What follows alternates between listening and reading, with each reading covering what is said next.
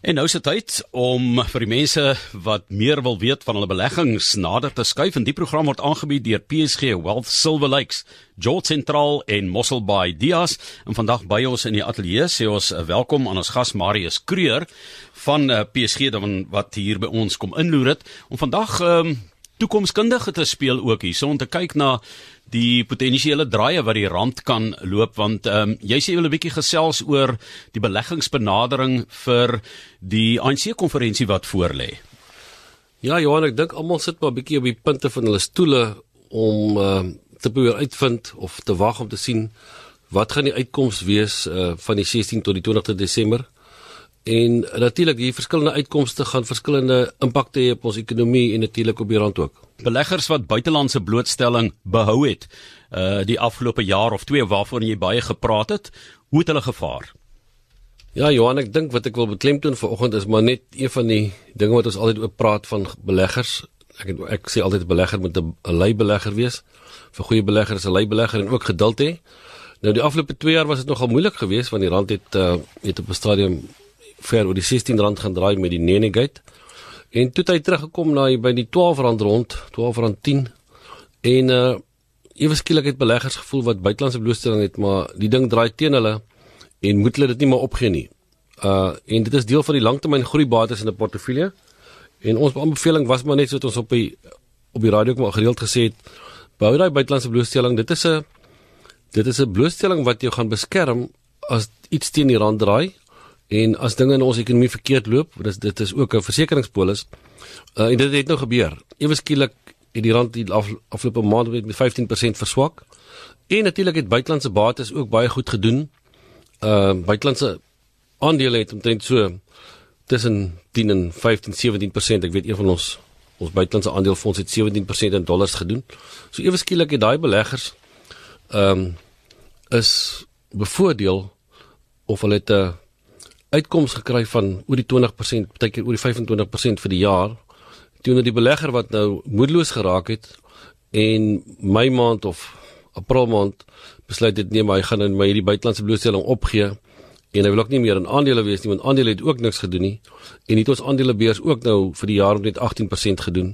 So ewe skielik het daai beleggers van die afgelope 3 maande baie meer gemaak as wat al die ander beleggers gemaak het in 'n jaar. Ja, dit na die geldmark of vaste deposito's geskuif baie nê met daardie uh, met daardie twyfeling in hulle gemoed. Ja, die mense se se geduld het net eenvoudig opgeraak, Johan, en dan begin hulle maar sommetjies maak en dan en dan sê mense kom ons vir jou maar ek my portefeulje doen dan nou niks. Hier kan ek dan nou gewaarborgde 7.5 of 8% of wat ek al gaan kry. Uh en dan skuif mense so intoe en dis gewoonlik maar op die punt wat 'n ou baie naby die draaipunt is waar mense baie punt kom. Maar is die aandelebeurs en die groei van die ekonomie, moet 'n mens dit ehm um, direk aan mekaar bind of gebeur dinge soms in afsondering ook?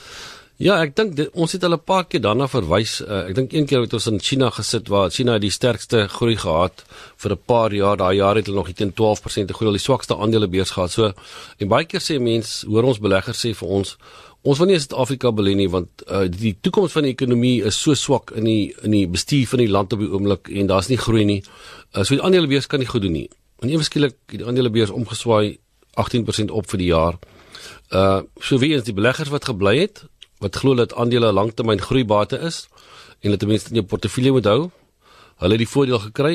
Uh die mense wat weggehardloop het, het nou ongelukkig verloor en nie die geleentheid gehad om die groei te kry van 49000 punte waar op die algemene of die aandelebeurs gewees het waar hy nou naby 60000 punte tans is nie. Nou Dan het jy gesê moet mense ook 'n bietjie kyk na die ekonomiese data, ehm um, wat daar aan die gang is, soos die tekort op die lopende rekening en 'n bietjie kyk na die skuld, die invloed daarvan, so vat vir ons daardeur.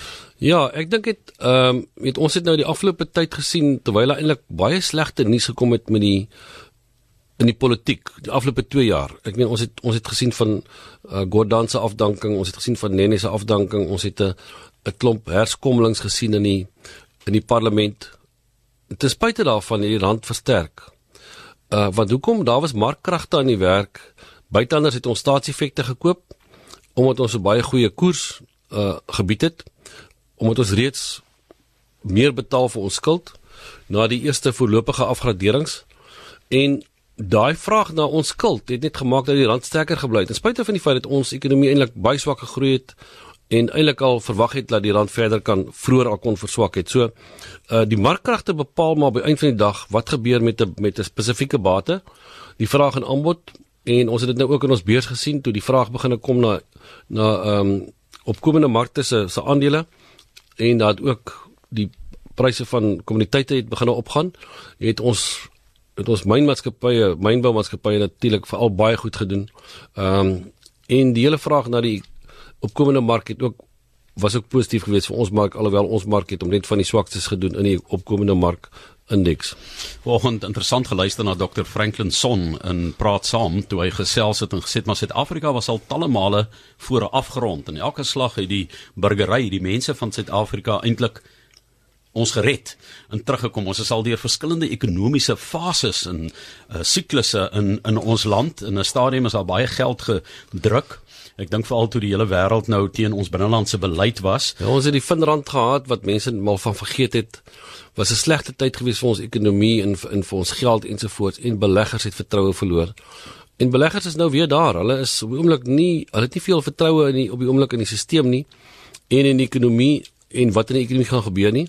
Uh en dit maak natuurlik dat dat dat daar nie nuwe beleggings in die land inkom nie. Ehm um, dit maak dat daar baie onsekerheid is. Onsekerheid is nooit goed vir markte nie. So en natuurlik ook nie vir die rand op die oomblik nie. So op die oomblik is die rand swak want die buitelanders en beleggers sien reeds of verdiskonteer reeds slegte nuus in die rand.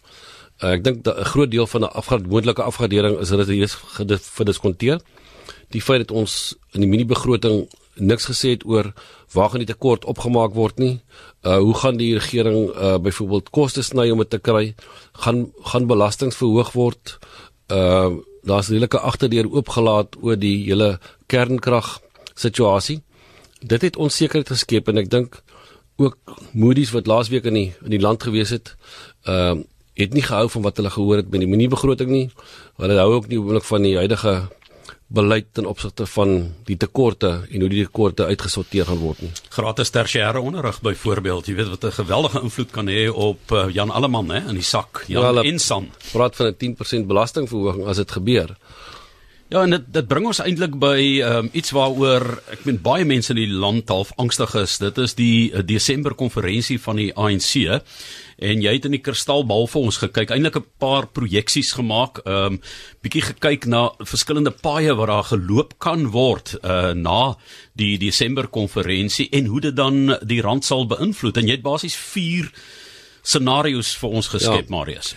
Ja, ek dink daar kan seker meer wees, maar ek dink die vier moontlike scenario's op die oomblik is of ehm uh, Dlamini Zuma uh wen die stryd en sy word die nuwe leier uh of Cyril Ramaphosa of ehm um, Mkhize kan uh, as 'n buiteperd daar wees. Die ander scenario is natuurlik dat uh die konferensie uitgeskuif word. Ehm um, en nou moet ons as beleggers begin kyk en hierdie is glad nie 'n politieke praatjie nie. As beleggers begin ons kyk en sê maar as hierdie scenario's uitspeel, wat gaan die effek wees vir die ekonomie? Ehm um, die Lamini Zuma scenario voel ons die ekonomie gaan nie verbeter nie. Die redelik die die status quo gaan redelik gehandhaaf word van die manier hoe daar omgegaan word in staats uh instansies en die ondersteuning van SAL ensovoorts. Met ander woorde, dit gaan nie goed wees vir die rand nie. Ek dink dit gaan 'n redelike skok op die rand wees as dit as dit die uitkoms is. Die volgende een is dan nou Cyril. As dit Cyril is, dan is dit ons dink korttermyn positief vir die rand uh ek hoor hy hy het gesê hy gaan byvoorbeeld probeer om staatsskuld te sny.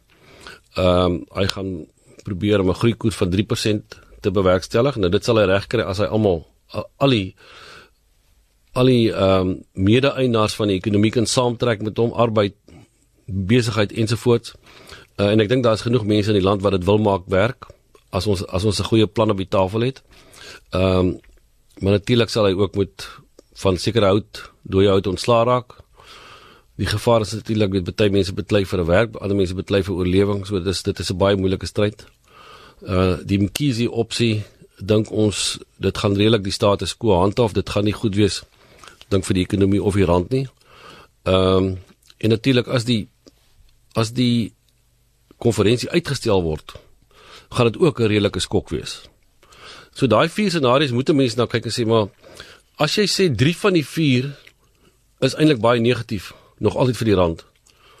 Dan moet jy vir jouself sê maar waar gaan jy op die oomblik jouself posisioneer of hoe moet jou portefeulje geposisioneer wees om voordeel te trek of om hierdie skokke te hanteer? Ja, dis waar ons nou graag met jou 'n bietjie raad wil hê om te hoor want jy het net nou gepraat van die geduld van daai 2 jaar wat mense bereid was om in die dollar hulle geld te hou daar en hoe hulle tot 20% opbrengs gekry het teenoor mense wat geskuif het in die geldmarkfondse in weens ongeduld of onsekerheid. So uh, wat sou jy vir ons sê hoe moet dit dan benader word? Hoe sou jy dit ehm um, ten minste vir die kort en die medium termyn ja. benader? Met ander woorde As 'n mens dan 'n scenario skep en jy sê vir jouself daar is 3 van die scenario's uit die 4 is is negatief. Met ander woorde 'n 75% kans dat die scenario negatief gaan wees. Dan wil jy tog jou jou portefeulje so opstel dat jy meer buitelandse blootstelling het en hopelik het jy dit by hierdie tyd. In ons portefeuilles en ons kliënte het ons oomblik plus minus 50% buitelandse blootstelling.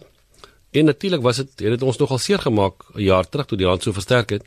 Maar ons het altyd gesê ons wil nie minder hê nie. Ons dink daar's risiko in die mark, risiko in die rand en in die ekonomie.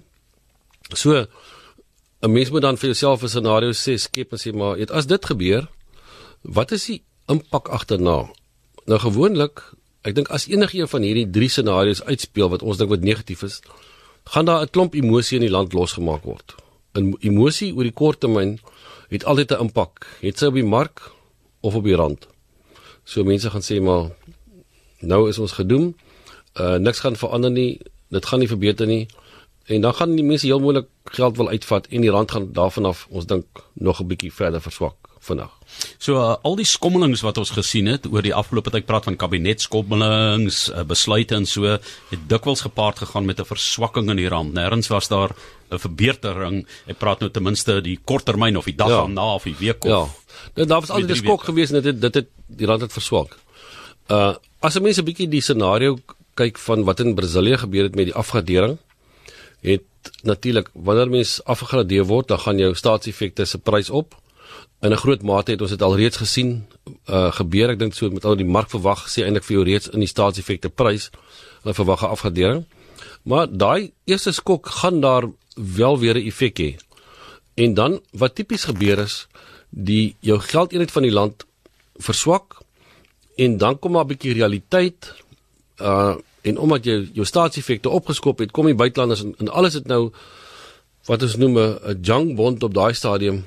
Ehm uh, dan beteken dit nog altyd die buitelanders gaan dit koop. In die begin as ons 'n afgradering kry, dan beteken dit dat ons gaan 'n uh, klomp geld uit die uitvloei uit die land uit kry want ons gaan uitval uit die uit die wêreldbond indeks die die effekte indeks. Dit beteken die beleggers moet uitgaan daar so daar is 'n klomp geld wat dan moet skuif. Dan beteken die rand gaan verswak. Nou jy hoor omdat jy afgegradeer is moet jy meer betaal vir skuld. Nou is die staatseffekte se prys hoor. Dan kom maar weer mense terug wat sê jy's maar hulle hou eintlik baie alles het nou hierdie uh, gemors uh, effekte uh wat is ek nie wat die Afrikaanse woord ek nou vergeet. Aandele. Nee nee, wat ons maar altyd praat van as ons afgegradeer word, wat is status? Uh, rommel. Rommel status. Ja, sien dan. Alles het nou rommel status, gaan hulle nog altyd die effekte koop want hulle gaan nog glo altyd hulle gaan nie hulle geld verloor nie. Hulle gaan 'n hoë koers kry. Nou kom maar weer 'n klomp geld in die land en nou gaan die geld eenheid weer stelselmatig begin versterk wat in wat in Brasilië gebeur het. Wat ons beplan op daai stadium, ons wil 'n bietjie wins vat. So ons dink daar gaan 'n skok wees En ek dink as 'n mens dan nou baie buitelandse blootstelling het, dis dan 'n goeie tyd om 'n bietjie wins te vat. En want want hoe gaan jy met daai geld? Daai geld moet dan in effekte ingaan by ons, want dis waar jy die hoë koers gaan kry. En met tyd gaan daai koers afkom en dan gaan jy dan nou ook kapitaalwins maak. So ek dink dis maar net 'n strategie wat ons het op die oomblik om te sê maar as hierdie scenario uitspeel, het ons 'n ons het 'n verskillende strategie. Uh as die Cyril scenario uitspeel en die rand versterk vinnig, dan gaan jy noodwendig al jou buitelandse blootstelling verkoop nie. Ek dink ons sal dit dan nog hou op daai stadium want daar gaan nog uh, 'n redelike lang pad loop voor mense nou begin 'n vertroue kry en die hele ekonomie kan omdraai. So ek dink Johan, dis miskien net 'n boodskap uh, wat 'n mens wil gee om te sê mens moenie ons wil nie paniek saai nie. Uh, niemand is paniekerig nie, maar mens moet maar altyd kyk na die groot prentjie ook en jy moet jou portefeulje saamstel vir die, vir die groot prentjie. Ook 'n monitor volgens dat jong president uh, Cyril Ramaphosa wat gesê het, ehm um, hy sou graag wou sien in 2018 nog om 'n 3% groei te kry en om 'n miljoen werksgeleenthede te skep. Hy sê hy voel dit is moontlik En terselfdertyd was daar gesprekke oor die eh, Suid-Afrikaanse lugdiens, die SAA, wat onder die geweldige druk is en die skuld en hoe dit eintlik die arme mense raak wat dit subsidieer op 'n manier. So ons is in 'n baie turbulente wisselvallige situasie in in Suid-Afrika. Intussen dit moet 'n mens fyn voet voetwerk doen ten opsigte van jou uh, die beskerming van jou kosbare bates. Ja, ek dink dit uh Johan baie keer sê voel mense dis al of jy voel laik sleg dat jy so baie buitelandse blootstelling het dit sê jy minder vertrou of minder vertroue in die land. Maar mense moet nie dom wees as jy 'n redelike sekerheid het van 'n sekere uitkoms. Dan kan jy eintlik uh gemaklik jou portefeulje daarna toe oorhel en jy kan eintlik dan nou voordeel trek daaruit. Oor die kort termyn gaan dit gaan baie beleggers baie geld maak met die met die buitelandse blootstelling. Maar dis nie wat ons in die langtermyn in, in hierdie land wil hê nie. Ons wil nie oor die langtermyn 'n baie swak rand hê wat inflasie gaan opjaag en wat elke ding wat ons en ek dink daar's 'n petrolprys aanpassing hoor ek van plus minus 57 sent onder verhaling. Uh, dis alles gevolge van hierdie verswakking van die rand die afgelope tyd. So oor die langtermyn wil ons dit nie hê nie, maar as dit oor die korttermyn gebeur, dan wil ons ten minste ons portefeulje ons portefeuilles beskerm teen hierdie teen hierdie gebeure. En dis maar net die boodskap van vanoggend. En Marius de Villiers praat van beskerming. Mens moet gaan kyk na Suid-Afrika en ons ekonomie in terme van wêreldekonomieë. En dikwels lewe ons in 'n kokon en ons praat 'n bietjie groot en vertel vir mekaar groot dinge, maar uh, ons is terselfdertyd deel van 'n groter ekonomiese werklikheid en kragtige ekonomieë in die wêreld en ons moet besluit waar ons daar inhak en los. Um, in 'n stadium was mense baie baie opgewonde oor wat in in in China met die groei wat daar gebeur het. Jy daaroor gepraat hoekom dit so suksesvol was. Jy het al by geleentheid gekyk na 'n paar aandele in Afrika wat uh, ook groei toon. Jy het ons al geneem na Amerika toe, ehm uh, oral in die wêreld, maar dit is 'n uh, vergrootglas wat jy maar die hele tyd moet laat loop oor die landkaart, né? Ja, ek dink uh, die voordeel wat 'n mens het as jy uh deesdae in 'n situasie is waar ons almal in die wêreld is dat jy is nie meer beperk tot jou eie land nie. Jy kan geld uit die land uitvat. Ons kan met met gemak ons nou 'n miljoen jaar uitvat sonder enige vereistes, maar ons kan nog addisionele 10 miljoen ook uitvat per jaar. So mense kan gaan bates soek in die wêreld waar dit waar die waardasies laer is as wat jy tans betaal. En ook jy kan geleenthede gaan soek waar dit vir jou die moeite werd maak om oor die langtermyn goeie groei te kry. En ek meen die laaste 2 jaar was die dollar groei val op die FSA aandele was baie baie goed geweest. Ehm um, so daar was ongelooflike geleenthede geweest terwyl die vorige 5 jaar was dit die opkomende markte se se beurt gewees wat baie goed gedoen het. So daar is maar heeltyd geleenthede, mense maar die geleentheid soek, maar jy moet dan ook die risiko's wat jy sien aankom, moet jy probeer uh vermy en jy moet jouself opstel om uh dit te kan weerstaan as dit gebeur. Ja, en dan uh, dink ek ook uh, so ten slotte van jou kant af Marius, ons het nou gepraat oor die verskillende veranderinge en uh, potensiële scenario's wat jy vir ons uitgewerk het wat uh, moontlik gevolg kan word en hoe dit ons rand kan beïnvloed. Maar iemand soos Donald Trump byvoorbeeld het gesê het man Amerika eerste. Ehm um, hy het nou daai patriotisme het hy aangewakker en aangemoedig. Hoe dink jy moet Suid-Afrikaners as trots Suid-Afrikaners Suid-Afrika eerste stel ook in hulle besluitneming ehm um, jy weet sonder dat dit jou gaan kos en uiteindelik vir jou in 'n baie swak posisie kan plaas. Uh hoe voel jy oor daardie vorm van patriotisme? Ek dink ja, ek dink ek dink as dit 'n gesamentlike poging is van almal wat saamwerk om die land te maak werk en om die land eers te stel. Dan sal mens gemaklik wees om te sê, weet jy, ek sal self 'n bietjie swakker opbrengs vat, maar ons wil nou alles doen in hierdie land om dit te maak werk. Maar as jy nie saamstem met met hoe almal hulle kant bring, uh dan gaan jy tog sê maar dit help nou nie ek probeer nou hierdie bietjie doen en ons hou twee maatskappye aan of drie maatskappye wat ons weet wat ons verlies gaan wees wat ons 'n klomp belasting kos en is eintlik swak ekonomiese besluite. Dan dan voel mense maar dan gaan jy jou eie besluite maak maar op jou eie uh en jy kan nie nou saamtrek in die span nie. Ja, ek onthou instaan dat ses in ekonomie, sal ek nooit vergeet nie, die bousteen van die ekonomie is vertroue En dis iets wat drasties kort nou in Suid-Afrika, daai bousteen, want daar gaan te veel goed aan in te veel organisasies ja. wat 'n mens um, dalk nie so veilig laat voel nie. Ja, jy weet mense praat van 'n van 'n 'n belastingweerstand wat opbou, dat mense wil nie meer belasting betaal nie. Ons sien nie belasting uh, invordering is ook nie goed nie. So, uh hoekom doen mense dit? As mense weet hulle geld word goed aangewend en is tot voordeel van almal en hulle kinders kan plek kry op universiteit ensovoorts, dan betaal jy met met gragtebelasting. Maar as jy dink jou belasting word nie reg aangewend nie, dan gaan jy begin twyfel daaroor en dan begin jy dalk plannetjies maak. Natuurlik wat teen die wet is, maar dis ongelukkig hoe mense voel en ek dink daai patriotisme sal terugkom as mense sien die regering doen die beste met wat hulle het met die middele wat hulle het. So sê Marius Kreer en uh, RSG Finansies is aangebied deur PSG Wealth Silver Lakes, George Central en Mossel Bay Dias. Die idee vanoggend was om net mense te stimuleer om 'n bietjie te dink oor hoe gaan jy die toekoms benader met jou kosbare bates wat jy oor baie jare opgebou het. En ek is seker daar's 'n ander paar vrae wat ook gaan opduik en wat hulle graag met jou wil bespreek, Marie. So, wat is jou kontak uh, besonderhede as mense hierdie gesprek wil voortsit met jou oor hulle bates en beleggings? Ja Johan, solank dit oor finansies gaan, is hulle welkom om my te kontak net nie oor oor politiek nie. Uh my e-posadres is marius.kreer@psg.co.za. Wees asseblief geduldig en ek kry baie e-posse. Ek kan nie als die eerste dag antwoord nie. Of hulle kan ons skakel by ons nasionale nommer 0861 348 190. Gee hom net weer. 0861 348 190.